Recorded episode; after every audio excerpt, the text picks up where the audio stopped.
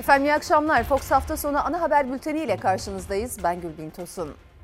Bu akşam etiketimiz merak ediyoruz. İzleyicilerimizden Anıl Akgöz'ün önerisiydi. Mesela biz editörüm o gün Yıldız'la korona aşısının akıbetinin grip aşısı gibi olup olmayacağını merak ediyoruz. Turkuaz tabloda rakamlarda olmayan şeffaflık aşı konusunda sağlanabilecek mi merak ediyoruz. Sizler de çok sayıda mesaj gönderdiniz merak ettiklerinizle ilgili. Memur ve emeklilerin alacakları zam, sağlık çalışanlarının mağduriyeti, gençlerin KYK borçları ve hepimizi ilgilendiren fahiş zamlar. Bunlar sizin yazdıklarınızdan. Biz de hepsine haberlerimize değineceğiz bu akşam. Sizler de yine bu etikete görüşlerinizi yazabilirsiniz diyelim. Öne çıkan başlıkları aktaralım.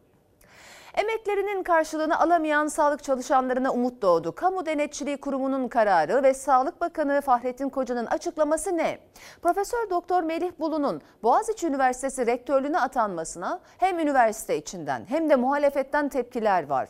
Rektör eleştirilere ne yanıt verdi? Emekli ve memurun gözü zamlarını belirleyecek enflasyon oranında. Yarın açıklanacak enflasyon oranı ne olacak?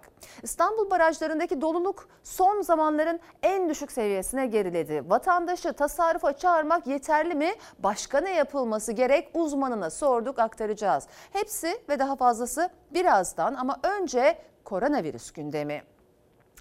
Vaka sayılarındaki düşüş sürüyor ancak aynı zamanda test sayılarında da ciddi düşüş var. Uzmanlar sokağa çıkma yasağı uygulanan günlerde test sayılarının düşmesine karşı yeni yöntemler bulunmasını, test sayılarının hep yüksek bir seviyede tutulmasını öneriyor mümkün olduğu kadar fazla testi pandeminin başından beri savunuyoruz. Gerçek tabloyu görmemiz için mutlaka test sayılarını arttırmamız gerekir. Uzun süre 30 binin üzerinde seyreden günlük vaka sayılarındaki düşüş devam ediyor. 24 saatte 11.180 kişinin testi pozitif çıktı. Ancak uzmanlar test sayısındaki düşüşe de dikkat çekiyor. 15 Kasım'dan bu yana ilk kez 150 binin altında test yapıldı. Türk Tabipleri Birliği 2. Başkanı Doçent Doktor Ali İhsan Ökten'e göre sokağa çıkma yasağı uygulanan günlerde test sayısının düşmesine izin verilmemeli. Test merkezlerine gelen azsa filyasyon ekipleri evlere ya da iş yerlerine test yapmaya gitmeli. 3 gündür olan e, sokağa çıkma yasağının etkisiyle böyle bir durum söz konusu olabilir. Ama biz bunu tabii ki yeterli olarak bulmuyoruz. Aksine daha da arttırılmalı. 80 saatlik sokağa çıkma kısıtlaması nedeniyle sokaklar bomboş ama tek boş olan sokaklar değil. Hastanelerde de neredeyse hiç kimse yok. Covid servislerinde bile bilindik test kuyrukları artık oluşmuyor. Günlük test sayıları da 150 binin altına düştü. Yeterli bir sayı değil bu testler. Test yapmadığımız zaman hastalığın e, kimin kimin hasta olduğunu bilemiyoruz ve kimin bulaştırıcı olduğunu bilemiyoruz bu toplumdaki bulaşma oranını ve hastalanma oranını arttırıyor. Bir süre sonra bu e, pandeminin ağırlaşmasına neden olup İşte bu risklere karşı ne kadar çok test yapılırsa o kadar iyi doçent Ökten'e göre. Çünkü vefat sayısı hala yüksek. Vaka ve hasta sayıları düşse de yetersiz test yeni salgın dalgaları oluşmasına neden olabilir. Salgının gerçek durumunu görebilmek ve vakaları erken tespit edebilmek için yeni yöntemler kullanmak gerekiyor. Bu süreçte filyasyonu biz daha da arttırırsak e, test sayılarını da arttırmış oluruz. Bu sokağa çıkma günlerinde özellikle gelir seviyesi düşük, kalabalık ailelerde, bir arada yaşayan ailelerde filyasyon ekiplerinin buralara e, yönelmesiyle aslında test sayılarını arttırıp hastalığın da gerçek verilerini de e, ortaya çıkarabiliriz. Yılbaşı nedeniyle 80 saat olarak uygulanan sokağa çıkma yasağı pazartesi sabaha karşı 5'te sona eriyor. Yine kalabalıklar dışarıda olacak. Mutasyona uğrayan ve bulaşıcılığı artan virüsü tespit edebilmek ve durdurabilmek yine testte mümkün olacak. Son 15 gündür e, vaka hasta sayılarında bir e, azalma e, söz konusu. Özellikle e, mutasyona uğramış virüsün bulaşıcılık ve e, yayılma oranı yüzde yetmiş daha hızlı. Bu nedenle yeni bir dalga e, olabilir. Bu dalgayı önlemenin en iyi yollarından birisi de e, testlere mutlaka sayıyı da arttırarak devam etmektir. Koronavirüsün mutasyona uğramış formu Türkiye'de de tespit edildi. Sağlık Bakanlığı 15 kişinin karantinaya alındığını duyurdu. Ancak uzmanlara göre mutasyonlu virüs o kadar hızlı bulaşıyor ki herkesin iki kat daha dikkatli olması şart ülkemizde mutasyonlu virüsün yapılan genom incelemelerinde 15 kişide olduğu saptanmış. İngiltere'den Türkiye'ye gelen 15 kişide mutasyonlu koronavirüs tespit edildi. Kimlerle temas ettiler? Onlarda da virüs var mı? Geriye dönük incelemeler yapılıyor. O 15 kişi ise yurtlarda ya da evlerinde karantinada. Gaziantep'te olan da var. Balıkesir'in Edremit ilçesinde de filyasyon ekipleri mutasyon mesaisinde. Bu 15 kişi yurt dışından gelen vakalar. Onların da öncelikli olarak izolasyonu sağlanmış. Ardından da onların da filyasyonda yaptığımız gibi temaslı takipleri yapılmaya başlamış ve kimlerle temas ettiyse o kişilerin de tetkikleri ve izolasyon süreçleri devam ediyor. Uzmanlara göre mutasyonlu virüste tanışanların sayısı 15'ten fazla olabilir çünkü daha hızlı yayıldığı biliniyor. Balıkesir Edremit'te Kızılkeçili köyünde virüsün yeni formuna yakalanan hastanın kaldığı ev jandarma tarafından kontrol altında tutuluyor. Yaklaşılmasına izin verilmiyor. Ancak hasta o eve girene kadar kimlerle temas etti asıl merak konusu o. Bilim Kurulu üyesi doçent doktor Afşin Emre Kayıpmaz'a göre her zamankinden de fazla dikkat edilmesi gerekiyor. Elimizdeki bilgi bu mutasyonun kişiler arasında virüsün daha hızlı bulaşmasına yol açtığı yönünde. Bizim dikkat etmemiz gereken 14 kuralımıza sıkı sıkıya bağlı olmak, günlük iş yaşantısının içerisinde aktif olan kişilerin de tedbirlere uyumunun hat safhada olması gerekiyor. Maske, mesafe, hijyen gibi kurallara uyulması şart. Mutasyonlu virüs özellikle de gençleri tehdit ediyor. 12-24 yaş arasına dikkat çekiyor İngiltere'deki araştırmalar. Çocuk var mı bunların arasında? Yani özellikle bir çocuk başlığı çıktı bu yeni virüsle birlikte. Aslında gençler daha çok ön planda alınıyor. Genç erişkinlerden bahsediliyor. Evet, e, bu özellikle bahsettiğimiz mutasyonlar genç erişkinlerde özellikle de kronik hastalığı olmayan genç erişkinlerde daha şiddetli hastalık ile ilişkili olduğu düşünülen mutasyonlar. Hem çocuklarda hem erişkinlerde hem de bir daha ileri yaş gruplarındaki etkilerini yani klinikteki etkilerini görmek için biraz daha zamana ihtiyacımız var. İşte bu belirsizlikte tek umut aşıda. Türkiye'nin ise Çin'den gelen 3 milyon dozluk aşıyı uygulamak için incelemeleri devam ediyor. Gözler Bilim Kurulu'nun bu hafta yapacağı toplantıda. Bu hafta bilim kurulunda ne konuşulacak? E, mutasyonlu virüs mü, aşı mı, ne var gündemde? Şu an için gündem gelmedi ama büyük olasılıkla aşıları, mutasyonu bunları konuşuruz. Ama son dönemde gündem maddemiz tabii ki aşı. Aşı takriben Ocak ayının ortasından itibaren uygulanmaya başlayacak. İngiltere'de mutasyon geçiren virüs yüzünden zor günler geçiriliyor. Son 24 saatte 57 bini aşkın vaka tespit edildi. İngiltere'de mutasyona uğrayan virüs sonrası yeni vakalarda rekor artış görüldü. Oxford Üniversitesi'nin aşısı için son hazırlıklar tamamlandı. Londra'da tespit edilen ve Türkiye dahil 33 ülkeye sıçrayan mutasyonlu virüs dünyanın da gündeminde. İngiltere'de 4 gündür 50 binin üzerinde seyreden vaka sayısı 5. günde zirve yaptı. Son 24 saatte 57.725 kişi daha virüse yakalandı. 445 kişi de yaşamını yitirdi. Sahra hastanelerinin tekrar açıldığı Londra ve Güneydoğu bölgelerinde sağlık sistemi zorda. Ülkenin tanınmış doktorlarından Profesör Andrew Goddard, salgının orman yangını gibi büyüdüğünü açıkladı. Tüm hastaneleri yoğunluğa karşı hazırlık yapmaya çağırdı. Başbakan Johnson da sıkı bölgesel tedbirlerin işaretini verdi. Salgın hız kazanırken aşı kampanyasında ikinci büyük aşamaya geçiliyor. Oxford aşısı 24 saat içinde uygulanmaya başlayacak. İlk hafta 640 ayrı noktada 530 bin doz aşının vurulması hedefleniyor. Hükümetin aşılamada ikinci dozun 3 hafta yerine 12 hafta sonra uygulanması kararı ise tartışmalara yol açtı. Tabipler Birliği mesleki etik gerekçesiyle karara karşı çıktı. Sağlık danışmanları salgının önlenmesi için ilk dozun olabildiğince çok kişiye yapılması gerektiğini savundu. Hatta aynı aşının temin edilememesi durumunda ikinci dozun farklı bir aşıyla yapılmasını önerdi. Amerika Birleşik Devletleri'nde de aşılama henüz istenen seviyeye ulaşmadı. Şu ana kadar 4 milyon 200 bin kişi aşılanabildi. Salgında ise can kayıpları 350 bini aştı. 125 bin kişi halen hastanelerde tedavi altında. En çok vakanın görüldüğü Kaliforniya'da bazı cenaze evlerinde yer kalmadı.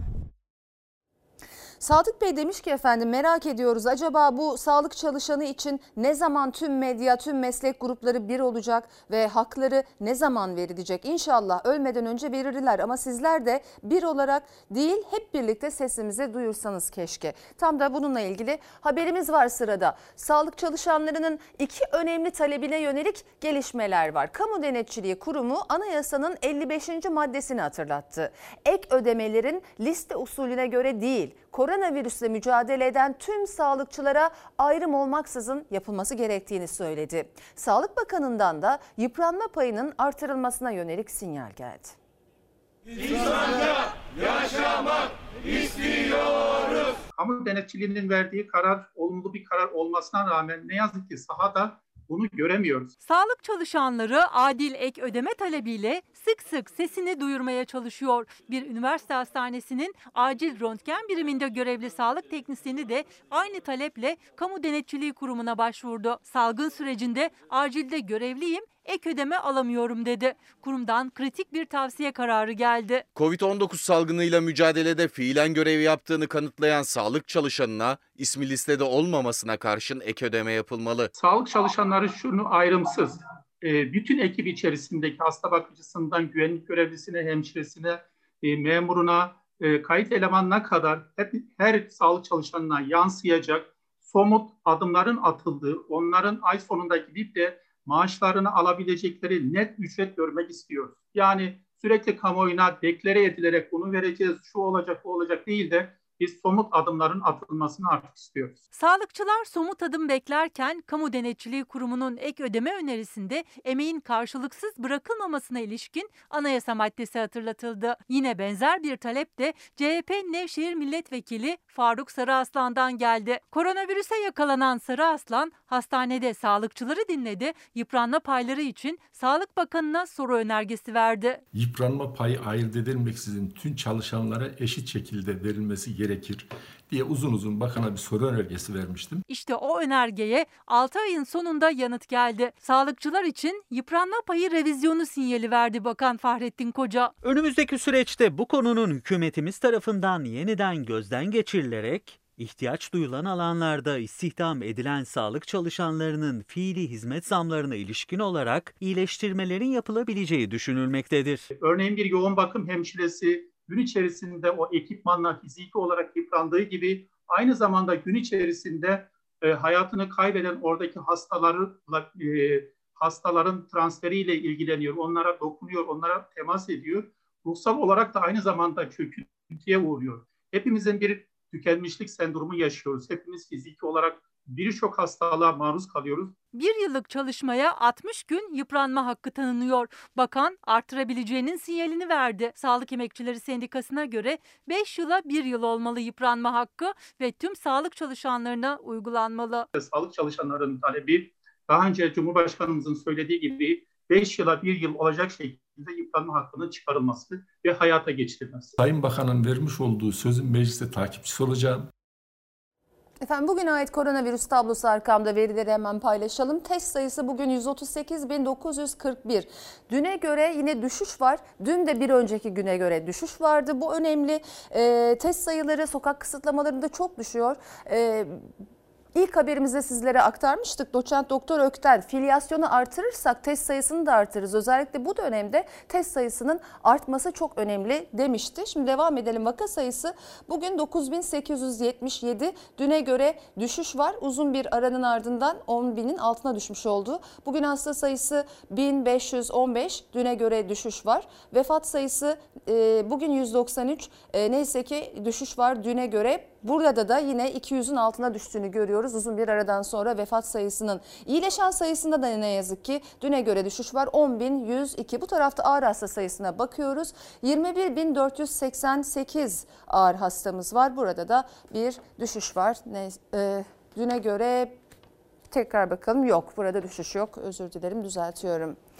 Devam ediyoruz. Rize Fındıklı'da belediye başkanı sokağa çıkma yasağında arkadaşlarını da yanına alıp yayla evinde yılbaşını kutladı. Jandarma ekipleri baskın düzenledikleri evde sokağa çıkma yasağını ihlal edip sosyal mesafe kurallarına uymayan 16 kişiye ceza kesti.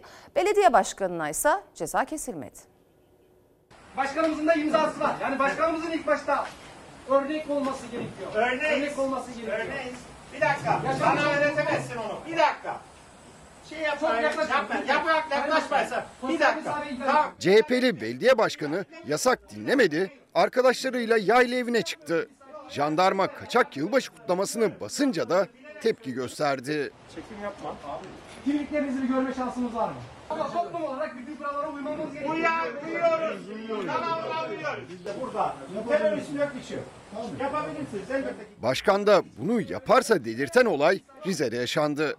4 günlük sokak kısıtlama kararı valiliklere gönderilen yazıyla duyuruldu. Ancak CHP'li Fındıklı Belediye Başkanı Ercüment Şahin Çervatoğlu yasa aldırış etmeden arkadaşlarıyla yayla evinde buluştu. Şimdi şöyle bir durum var. 31 Aralık 4 Ocak tarihleri arasında Burası yaşamış belediye ben keşif yapıyorum. yaşamış olduğumuz bu salgın sürecinden dolayı uymamız gereken kurallar var. Bu 81 ilin valiliğine, kaymakamlıklarına gönderildi. Belediye başkanı sokağa çıkma yasağının olduğu cumartesi günü 3 belediye encümeni ve bir muhtarın da aralarında bulunduğu 17 kişiyle birlikte yayladaki bir evde toplandı. Masa kuruldu, yemekler yenildi. Tam da bu sırada jandarma baskın yaptı. Kimliklerinizi alıp kontrol edeceğiz. Masa başında sohbet eden grup jandarma baskınıyla neye uğradığını şaşırdı. İhbar üzerine yayla evine gelen jandarmayla başkan ve beraberindekiler arasında tartışma çıktı. Pardon. Komutan, sosyal mesafeyi ihlal etmedik. Yok, sosyal mesafeyi ihlal etmedik. Kimlik kontrolü de burada. Teröristin yok yok.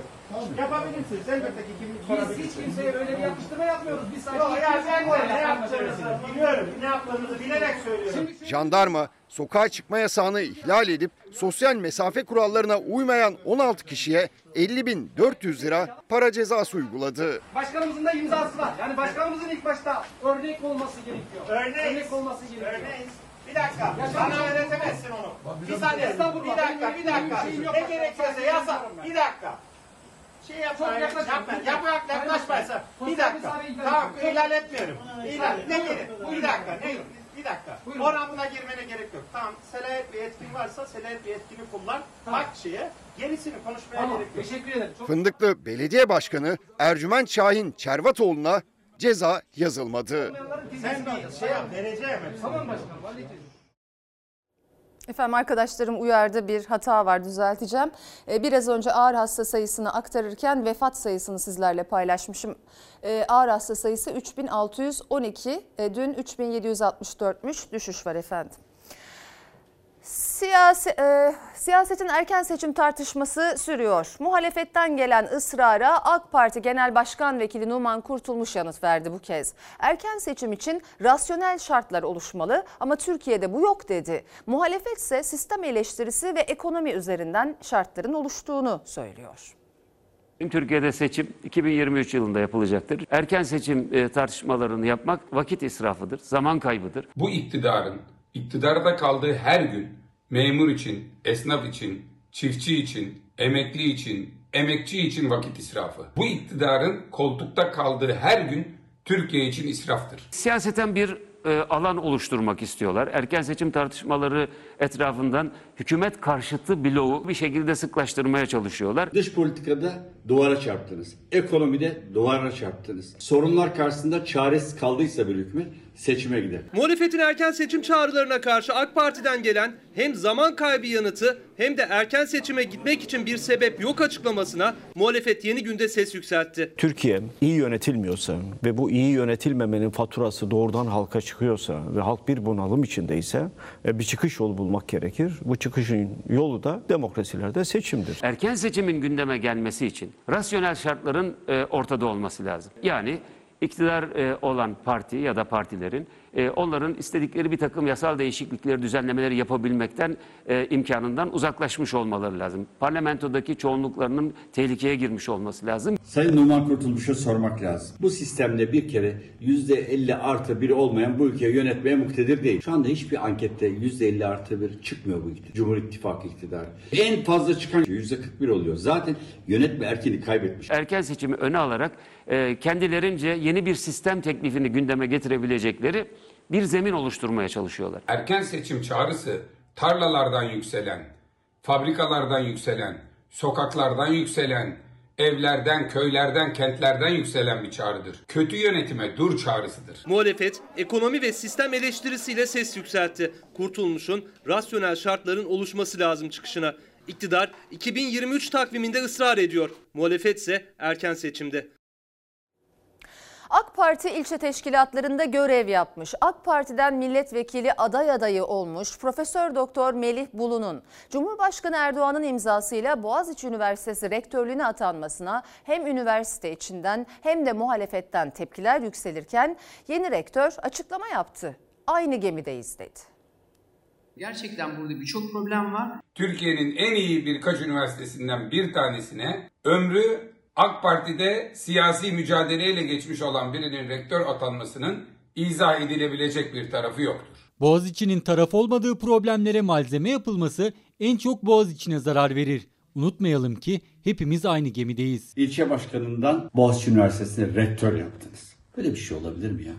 Bu üniversiteye, bu akademi dünyasına, bütün bilim adamlarına, öğretim üyelerine, Türk milletine, topluma saygısızlık demektir. Atama kararına tepkiler sürerken tartışmaların odağındaki isim Cumhurbaşkanı kararnamesiyle Boğaziçi Üniversitesi rektörü olarak atanan AK Parti teşkilatlarında görev yapmış, milletvekili aday adayı olmuş Profesör Doktor Melih Bulu'dan ilk açıklama geldi. Hepimiz aynı gemide izleyen rektör, atama kararına imza atan muhalefetin hedefindeki Cumhurbaşkanı Erdoğan'a teşekkür etti. AK Parti'nin kurucu ilçe başkanını, il yöneticisini, belediye başkan adayını, milletvekili adayını her yere aday gösterip seçtiremediği birini kendi yetkisiyle tek başına verdiği bir kararla Boğaziçi gibi bir üniversitenin rektörlüğüne atadı. Beni bu göreve layık gören Sayın Cumhurbaşkanımıza ve Sayın YÖK Başkanımıza içtenlikle teşekkür ediyorum. Ellerinde ciddi kadro kalmadı. Liyakatsiz kadroları da buralara atamak zorunda kalıyorlar. Bu şekilde yaptığınız zaman Türkiye'de ilk 500 arasında değil,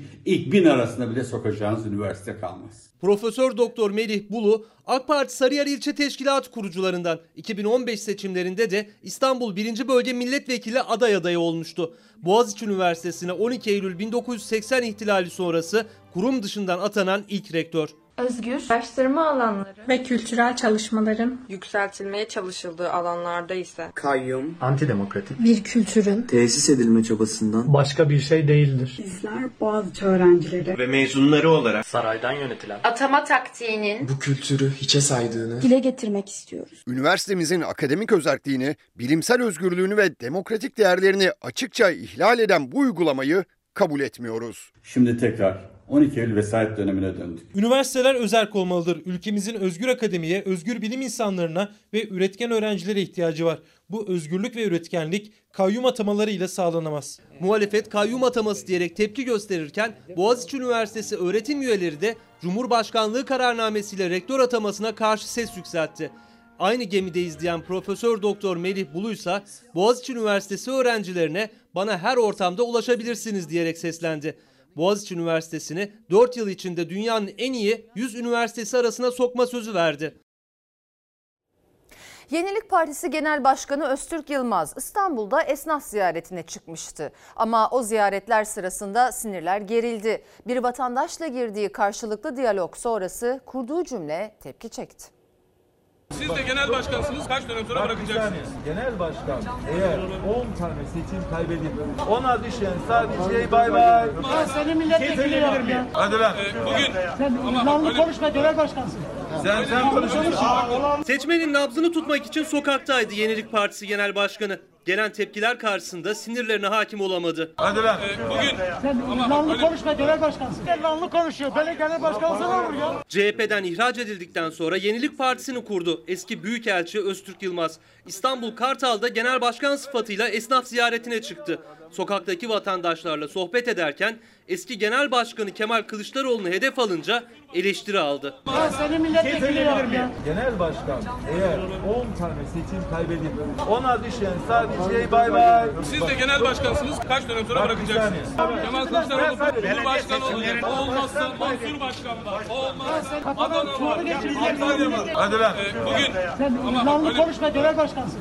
Sen sen konuşamazsın. Konuşamazsın. Kartalı terk etmek zorunda. Yenilik Partisi Genel Başkanı Öztürk Yılmaz'ın vatandaşa hitabı tepkiyle karşılandı. Tansiyon yükseldi. Yalanlı konuşuyor. Böyle genel başkanı sana olur ya. CHP'li Biz de saygıyla yaklaşıyoruz. Biz bir halkız. Ama lan kelimesi başkan olabilir. Bu şahıs ortalığı karıştırdı. Öztürk Yılmaz özür dilemedi. Partililerle birlikte vatandaşların bulunduğu ortamdan ayrıldı. Efendim Okan Bey demiş ki merak ediyoruz emeklilere çalışanlara zam yapmamak için TEFE ve TÜFE'yi nasıl düşük göstereceklerini e, hükümete bu rakamlar konusunda pek güven olmadığını biliyoruz. Vedat Bey pardon onu daha sonra okuyacağım. E, bir de başka izleyicimiz memur zammı %21 olacak mı merak ediyoruz demiş. Onunla ilgili sıradaki haberimizi aktaracağım şimdi. Emeklinin, memurun yeni yıl zammı için gözler yarın açıklanacak enflasyon rakamlarında. 5 aylık enflasyon %7'yi buldu. Aralık ayının enflasyonu merak ediliyor. Bir diğer merak konusuysa kamu çalışanları için yürütülecek toplu sözleşme görüşmeleri. Sendikalar pazarlık masasına oturmaya hazırlanıyor.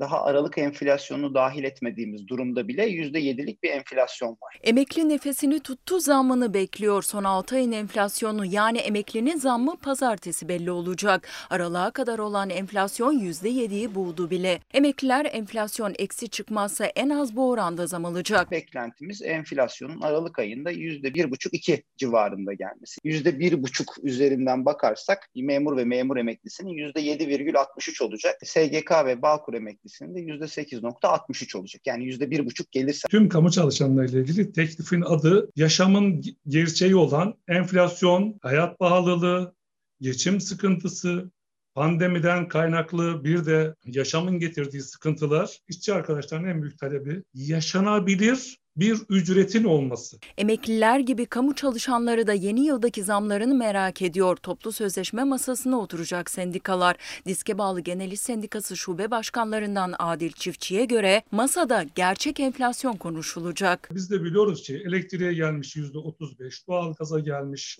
30'lar. E, gıda zaten enflasyonu çok büyük yüzde 14.40. Gerçek enflasyon mu bu? Hayır. Toplu sözleşme rakamlarının dışında enflasyon oranlarına bağlı memurun, memur emeklisinin, SGK emeklisinin, Bağkur emeklisinin maaşları zaten hiçbir zaman o toplu sözleşmede e, bulunan rakamlar enflasyonun işte üzerinde kalmıyor. Memur ve memur emeklileri içinse sendikaları %3 artı 3'lük zammın altına imza atmıştı. Enflasyon farkıyla yetinecekler. Salgını da göz önünde bulundurarak son toplu sözleşmenin güncellenmesini istiyor memurlar ancak hükümet sıcak bakmıyor. Ekonomist Oğuz Demir'e göre çalışanlar, emekliler enflasyona denk zam aldıklarında bile hiç zam almamış sayılıyor. %20 de gıda enflasyonunun altında ya da %15 de genel enflasyonun altında ezilmiş olacak. Yani hiçbir zam almamış olacak aslında. Öğrenim kredi borçlusu gençler Ankara'ya yürümeye hazırlanıyor. Üniversite zamanında ailelerine yük olmamak, okul masraflarını karşılamak için aldıkları öğrenim kredileri işsizlikle birlikte sırtlarında ağır bir yük oldu. Hacizle karşı karşıya kalan gençler borçların silinmesi için 81 ilden Ankara'ya gidip seslerini orada yükseltecekler. Gençlik gelecek, borçları silecek. Bizler KYK borçluları olarak borçlarımızın silinmesini istiyoruz. 27.664 liralık bir borcum var. %26.1 oranında genç işsizlik var. Borcumun ödeyemeyeceğim benim için çok büyük bir sürpriz değil. Sayıları 5,5 milyonun üzerinde KYK borçlusu gençlerin her birinin devlete borcu da 10 bin liranın üzerinde. Öğrenim kredisi borçlarını ödeyemeyen, işsiz ya da düşük ücretle çalışan gençler borçlarının silinmesini istiyor. Ankara'ya yürümeye hazırlanıyorlar. İş bulan arkadaşlarımız haftalık veya günlük işlerde en fazlası asgari ücret aldığı işlerde çalışmak zorundalar. Taksidi 700-800 lira olan KYK borcunu ödemek için yetersiz bir miktar. Bu borçlar silinmezse, artık bu yük bizim üzerimizden alınmazsa biz birleşe birleşe Ankara'ya yürüyeceğiz. Üniversite okurken okul, yol, yemek masraflarına katkı oldu öğrenim kredileri. Ancak mezuniyet sonrası iş bulamayan ya da düşük ücretle çalışmak zorunda olan 5,5 milyona yakın genç KYK borcuyla yüz yüze geldi. Her 4 gençten biri işsizken devlet 5,5 milyon KYK borçlusundan borcunu ödemesini istiyor. Bizler mezun ve işsiz gençler olarak devletin bize okuduğumuz dönemde vermiş olduğu borçları ödeyemiyoruz. Niye ödeyemiyoruz? İş bulamıyoruz. Kişi kişi düşünürsek en az borcun 10.000 TL olduğu bir durumdan bahsediyoruz. Gün geçtikçe faiz ekleniyor. Son olarak Aralık ayında bütçe görüşmelerinde meclisten öğrenim kredisi borçlarına yapılandırma çıktı. Ama yapılandırma taksiti aylık 700-800 lirayı buluyor. İşsiz gençler için bu rakamı ödemek imkansız. Gün geçtikçe faiz yükü de biniyor. Borçlar katlanıyor. Evlerimize icra tebligatları geliyor. Bizler e, bu icra tebligatlarıyla daha da çok bunalıma giriyoruz. İyice çıkmaza giriyoruz. Biz borçlarımızın silinmesini istiyoruz. Ertelenmesini ve yapılandırılmasını değil. Türkiye'de 10 milyon gencin devlete KYK borcu var. Bu tüm Türkiye'deki gençlerin %60'ına de. Yani neredeyse gençlerin yarıdan çoğu devlete borçlu gözüküyor. Halbuki devletin gençlere borcu var. Kredi Yurtlar Kurumu'na on binlerce lira borçlanarak yaşama bir kamburla başlamaya çalışan gençlerimiz bizden destek bekliyor. Muhalefet de KYK borçlarının silinmesini istiyor. Borçları nedeniyle icralık olan gençler de seslerini iktidara daha net duyurmak için Türkiye'nin dört bir yanından Ankara'ya gelmeye hazırlanıyor. Yeni yılla birlikte köprülere gelen zamlar tartışılırken 2020 yılı için garantili otoyollara, köprülere ödenecek miktarda ayrı tartışma konusu. CHP Zonguldak Milletvekili Deniz Yavuz Yılmaz açıkladı. Sadece Avrasya Tüneli'ne geçmeyen araçlar için ödenecek tutar 388 milyon 44 bin 942 lira. Avrasya Tüneli için 2020 yılında hazinenin verdiği araç geçiş garanti sayısı 23 milyon 813 bin 625. Geçen araç sayısı sadece 11 milyon 740 bin 343. Vatandaş geçmediği köprünün ücretini ödemeye, yoksullaşmaya devam ediyor. İstanbul'un iki kıtasını denizin altından birleştiren Avrasya Tüneli'nden 2020 yılında geçmeyen araç sayısı geçenden fazla oldu. Hazinenin kasasından çıkacak garanti ücreti ödemesi de netleşti. 48 milyon 293 bin dolar yani 388 milyon 44 bin 942 lira. Hem her yıl artan yüksek geçiş fiyatlarıyla hem de geçiş garantisiyle Avrasya Tüneli yıllardır tartışılıyor. 2020 yılında Avrasya Tüneli'ni kullanan araç sayısı kullanmayan araç sayısı sayısının yine altında kaldı. Geçmeyen araçların parasıysa firmaya hazineden yani hepimizin cebinden yine karşılanacak. Geçmeyen araçlar için bugünün kuruyla hazine görevli şirkete KDV dahil 388 milyon 44 bin 942 lira ödeyecek. Şu gerçeği biliyoruz. Birinci ve ikinci Boğaz Köprüsü'nde yapılan zamlarla alınan para aslında geçilmeyen köprülerin parasıdır. Yeni yılla birlikte devletin elindeki köprülere yapılan %25 zammın gerekçesini böyle açıklamıştı ekonomist İbrahim Kahveci. Garanti geçiş ücretli köprü ve otoyolların giderini karşılamak için demişti. CHP milletvekili Deniz Yavuz Yılmaz'a CİMER'den gelen yanıta göre 2020 yılında Avrasya Tüneli'nden 11 milyon 740 bin araç geçti. Geçmeyen araç sayısı 12 milyon 73 bin. Geçmeyen geçenden fazla. 2020 yılı için devlet Avrasya Tüneli'ni işleten şirkete yaklaşık 390 milyon lira garanti ödemesi yapacak. 2017-2020 yılları arasında hazinenin görevli şirkete geçmeyen araçlar için ödediği garanti tutarı bugünün kuruyla 1 milyar 195 milyon 65 bin 718 liradır. Yap işlet devlet modeliyle inşa edilen projelerin maliyeti sabit ama köprülerden, otoyollardan geçmeyen her araç için dolarla ödeme yapıyor devlet. Avrasya Tüneli için araç başı ödeme 4 dolar artı KDV. Devredileceği tarihe kadar şirketin kasasına girecek toplam tutar KDV dahil 2 milyar 777 milyon 232 bin 267 dolar. Yani şirketin karı 1 milyar 527 milyon 232 bin 267 dolardır. İstanbul'da taksi ücretlerine yapılan %11 zammın ardından taksiciler araçlarındaki cihazları güncelliyor. Ancak tüm taksimetre firmaları tek alanda toplandı. Güncelleme tek merkezden yapılınca da uzun kuyruklar oluştu. O yoğunluk 3. günde de azalmadı. Önünüzde kilometrelerce kuyruk var. 9'da girdi bak burada benim araba burada. 9'da girdim sıraya ben. Zammın eziyetini biz çekiyoruz. Patronlar kazanıyor, plaka sahipleri kazanıyor. Ezilenler bizim gibi şoförler. Geceden beri yatmadık, ekmek parası kazanacağız diye. 18 bin taksi var. Rezil kepaze olduk. Taksi ücretlerine yapılan zammın ardından taksimetrelerini güncellemek isteyen taksiciler uzun kuyruklar oluşturdu. Yoğunluk o kadar fazlaydı ki sahil yolu binlerce taksiyle doldu. Saatlerce bekleyen taksi şoförleri işlemin tek merkezden yapılmasına tepki gösterdi. Sabah kahvaltısı etmemişim. Madem öyle yapana kadar Anadolu'yu Anadolu'da Avrupa'yı Avrupa'da yapsaydı daha iyi değil miydi? Bir iş bilmezlik olduğu kesin. Ee, geçtiğimiz yıllarda böyle değildi. Üç bölgede oluyordu. Karşı tarafta ve taksimetre firmaların kendi yazanelerinde oluyordu. Yeni yılla birlikte İstanbul'da taksi tarifesine %11 zam geldi. Taksimetre açılışı 13 lira yerine 14,5 lira artık. Zamla birlikte taksimetre güncellemesi telaşı başladı taksicilerin. Her yıl birkaç farklı noktada yapılan işlemin bu yıl tek alanda yapılmasına karar verildi. İstanbul Büyükşehir Belediyesi Yeni Kapı etkinlik alanını tahsis etti.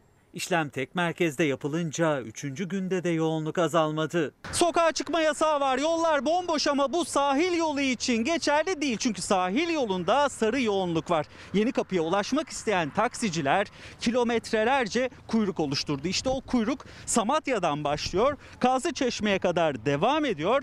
Yeni kapıya kadar aralıksız uzanıyor. Ben aşağı yukarı saat 9'u çeyrek geçe girdim yeni kapıdan. Aşağı yukarı 5 saat oluyor. Daha Zeytinburnu'ndayız. E, yeni kapıya gidene kadar daha kaç saat sürer bilmiyoruz yani. Yapacak bir şey yok. Çekeceğiz bu çileyi yani. Taksicilerin çilesi sıra onlara gelince de bitmedi. Araçtan inip sosyal mesafesiz sıraya girdiler. İşte yeni kapıda sıranın bittiği o yer sosyal mesafe kuralına dikkat edildiği pek söylenemez. İşte taksi şoförleri o belgeyi alabilmek için şimdi de araçtan inip başka bir sırada bekliyor. Birkaç dakikalık işlem için saatlerce sıra bekleyen taksi şoförleri, güncelleme işlemi yapan taksimetre firmalarının bu işlemin fiyatını yükseltmesine de tepkiliydi. Geçen sene 400 lira falan ödemiştik. Bu sene ye- 700 lira para verdik. Yazık günah ya. Aşağı yukarı 5 saattir bekliyorum ben burada. Burada büyük rant dönüyor. Yaptıkları tek iş iki, te, iki tuşa basıyorlar. Tık tık alayım 700 lira. Yazıktır. Sayın seyirciler kadın cinayetlerinin önü alınamıyor. Bir acı haber de bu kez Muğla'dan geldi. Bodrum'da yaşayan 25 yaşındaki Ukrayna uyruklu Kristina isimli bayan kadının evinde elleri kelepçeli başına poşet geçirilmiş halde bulundu. Bir kadın daha cinayete kurban gitti.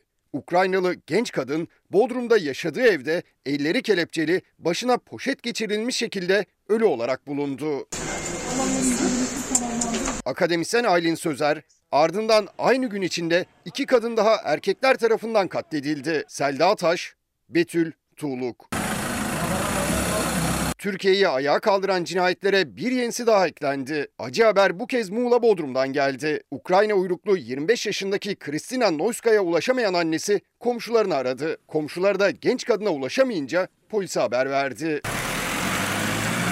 Kapı çilingirle açıldığında genç kadın sandalyeye oturmuş vaziyette elleri arkadan kelepçeli ve başına poşet geçirilmiş halde bulundu. Polis genç kadının ölümüyle ilgili iki kişinin ifadesine başvurdu. Sitenin güvenlik kameraları incelemeye alındı. 25 yaşındaki kadının cenazesi kesin ölüm sebebinin belirlenmesi için Muğla Adli Tıp Kurumu'na gönderildi. Muğla'da vahşi bir cinayete kurban giden Pınar Gültekin'in katil zanlısı Cemal Metin Avcı da pazartesi günü hakim karşısına çıkacak. Mahkeme bir önceki duruşmada zanlının akli dengesinin yerinde olup olmadığına dair rapor istemişti. Adli Tıp Kurumu Avcı'nın akli dengesinin yerinde olduğuna dair rapor hazırladı. Neden öldürdün? Nasıl öldürdün? İstanbul barajlarında doluluk %20'nin altına indi. Peki bireysel önlemlerle su tasarrufuna katkı sağlamak mümkün mü? Uzmanlara göre çok daha fazlasının yapılması gerekiyor. Kırmızı alarm şu an için bizi direkt sonuca götürmeyecektir ama gidişat sona doğru gitmektedir yani. Onun için bence alarm çoktan vardır aslında bakarsanız. Yani yıllar öncesinden vardır. Yıllardır barajlardan yükselen alarmın rengi kırmızıya döndü. İstanbul'da barajların doluluğu %20'nin altına indi. Sadece bir günde İSKİ verilerine göre %20,02'den %19,91'e düştü. Zaten kuraklığı beklemek gerekmiyor. Bu noktada tasarruf konusuna katılmakla beraber devlet politikasının bunu daha ciddi ele alınması gerektiğini düşünüyoruz. Yani vatandaşın tasarrufuna bırakmak bu işi e, bir şeydir, kolaycılıktır. İklim değişikliği, yağsız geçen kış artan nüfus. İstanbul'da barajların %80'i boş. Tasarruf çağrıları geliyor ama Çevre Mühendisleri Odası Başkanı Ahmet Dursun Kahraman'a göre bireysel önlemler önemli ama yetersiz. Su ihtiyacının %70'i tarımda kullanılıyor. Yani bizim evlerde kullandığımız su bu toplam su ihtiyacının içinde %13. Yani tüm vatandaşlar olarak biz bütün su kullanma hakkımızı teslim etsek, yani %100'ünü tasarruf etsek kaynaklarımızın %13'ünü tasarruf ederiz. Hava sıcaklıkları mevsim normallerinin üzerinde seyrediyor. Kış ortasında adeta baharı yaşıyoruz ve yağsız geçen şu günlerde artık barajlar alarm veriyor. Uzmanlar da en çok kentlerdeki betonlaşmaya dikkat çekiyor. Kuraklık tehlikesinin işte sebebi nedeni iklim e, değişikliğidir o bellidir. Ama e, bu tür şeyler onun e, vahametini daha da hızlı arttıran şeylerdir betonlaşma olsun, ormansızlaşma olsun. Griye bürünen şehirlerde su yolunu bulamıyor. Depolamada da sıkıntı yaşanıyor. Bir bir inşaatlar yükselirken suyun depolanmasına ilişkin zorunluluk getirilmiyor. Meteoroloji Genel Müdürlüğü'ne göre pazartesiden itibaren Edirne'den giren yağış salı günü yurdun batı ve orta kesimlerinde kendini gösterecek. Barajlara ne kadar etkisi olacak belli değil. 6-7 yıldır bir görüldüğü düşünülerek ve bahar ayında gelen yağışlarla beraber bu endişeler kaybolmuştur. Yani hafızalarımızdan silinmiştir. Ta bir dahaki kuraklığa kadar. Bu arada e, devlet politikası bununla ilgili geliştirilmemiştir. Efendim sağlık çalışanları ile ilgili bir haber sunmuştuk sizlere. Demiştik ki Kamu, Kamu Denetçiliği Kurumu ek ödemelerin liste usulüne göre değil koronavirüsle mücadele eden tüm sağlıkçılara ayrım olmaksızın yapılması gerektiğini söyledi. Sağlık Bakanı da yıpranma payının artırılmasına yönelik sinyal verdi demiştik ama sağlık çalışanlarının e, bu açıklamalara hükümete güveninin olmadığına dair çok sayıda mesaj geldi. Onlardan birisi İnci Hanım merak ediyoruz bu haberleri nereden alıyorsunuz? Kamuda en düşük maaşla çalışan sağlık personeli personeli yalan yanlış düzenlenen ek ödeme ki hala kuruş görmedik hiçbirimiz seyyanen zam ve maaşta iyileştirme istiyor. Her gün milyonlarca tweet atılıyor kimse görmüyor. Bir başka izleyicimiz doktor kendisi Mehmet Bey merak ediyoruz. Fox Haber tüm sağlık çalışanlarının Kasım ayı ek ödemesi hala yatırılmadı. Biz doktorlar maaşlarının yarısını ne yazık ki ek ödeme adı altında alıyoruz. Mağdur durumdayız. Ne zaman yatırılacak merak ediyoruz demiş. Efendim SMA tip 1 hastası bir çocuğun yurt dışında gen tedavisi olması için 2 milyon 400 bin dolara ihtiyacı var. Bu yüzden Türkiye'de SMA tip 1 hastası çocuklar için yardım kampanyaları düzenliyor çaresiz aileler. Hatay'da yaşayan 2,5 yaşındaki Beyazıt'ın ailesi de onlardan biri. Daha önce bir evlatlarını 4 yaşında aynı hastalıktan kaybeden Eser ailesi Beyazıt'ı yaşatmak için hem yardımseverlere sesleniyor hem de yetkililere. Tamam. Oğlumun nefes alması için, bir an önce sağlığına kavuşması için herkesin desteğine ihtiyacımız var. Beyazıt'ta nefes alsın, Beyazıt'ta yaşasın istiyoruz. Lütfen bizden desteğinizi esirgemeyin. Zamana karşı yarışan gen tedavisine ihtiyaç duyan ve bunun için 2 milyon 400 bin doları toplaması gereken SMA tip 1 hastası çocuklardan yalnızca biri Beyazıt bebek. Ancak o parayı toplayabilmek için başlattıkları kampanyada çok fazla yol alamadılar. Oysa 29 aylık Beyazıt bebek tedavisi için gerekli kriterleri aşmak üzere. Oğlum 29 aylık ve 11 kilo son 2 kilosu kaldı. Herkesin desteğine ihtiyacımız var. Lütfen Beyazıt'ın sesini de duyun. Lütfen ona da nefes olun, ışık olun. Gen tedavisini alabilmeleri için 2 yaşını ya da 13,5 kiloyu geçmemesi gerekiyor SMA tip 1 hastası çocukların. Ama Beyazıt şu anda 11 kilo. Anne Saadet Eser'in yardım çığlığı da bu yüzden. Yani 2,5 kilo daha almadan gerekli parayı toplamaları gerekiyor. Daha önce 4 yaşındaki bir kızını aynı hastalıktan kaybeden acılı anne oğlu için destek bekliyor. Ben bir evladımı kaybettim SMA hastalığından.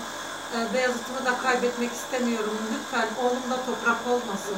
Yani hem hastalıkla mücadele hem de çaresizlik kahrediyor onları. Eser ailesi de 3 ay önce başlattıkları kampanyayla gerekli tutarın 2 milyon 400 bin doların yalnızca %6'sını toplayabildi. Kampanya başlattık ve kampanyamız çok yavaş ilerliyor. Koskoca Türkiye Cumhuriyeti 1300 çocuğumuza destek olamıyor. Kaynak bulamıyorsa işte kaynak. Milli Piyango'dan Varlık Fonu'na aktarılan 75 milyon TL SMA hastası çocuklar için kullanılsın. Sağlık Bakanlığı ithal listesine aldığı ilacı ama SGK ücretini karşılamıyor. 2 milyon 400 bin dolarlık ilaç için aileler yardım kampanyalarına umut bağlarken muhalefet ve sanatçılar sosyal medyadan bir kampanya başlattı. Milli Piyango'dan Varlık Fonu'na aktarılan 75 milyon liralık yılbaşı ikramiyesi SMA hastası çocuklar için kullanılsın dediler. Sayın seyirciler bugün bu çocuklarımız için sosyal medyada çok değerli bir kampanya başladı. Varlık fonuna devredilen Milli Piyango'dan aktarılan 75 milyon lira SMA'lı çocuklar için kullanılsın diye ben de bir tweet attım ama buradan da seslenmek istiyorum. Türkiye Cumhuriyeti Devleti çocuklarına bakamayacak kadar aciz değildir. Artık acil çözüm bekliyoruz. Şimdi araya gidiyoruz efendim. Efendim Fox hafta sonu ana haber bültenini burada noktalıyoruz. Fox'ta yayın kefaretin yeni bölümüyle devam edecek. İyi bir akşam geçirmenizi diliyoruz. Hoşçakalın. Dostuma her köşesi cennetin ezilir yerler için bir başkadır benim.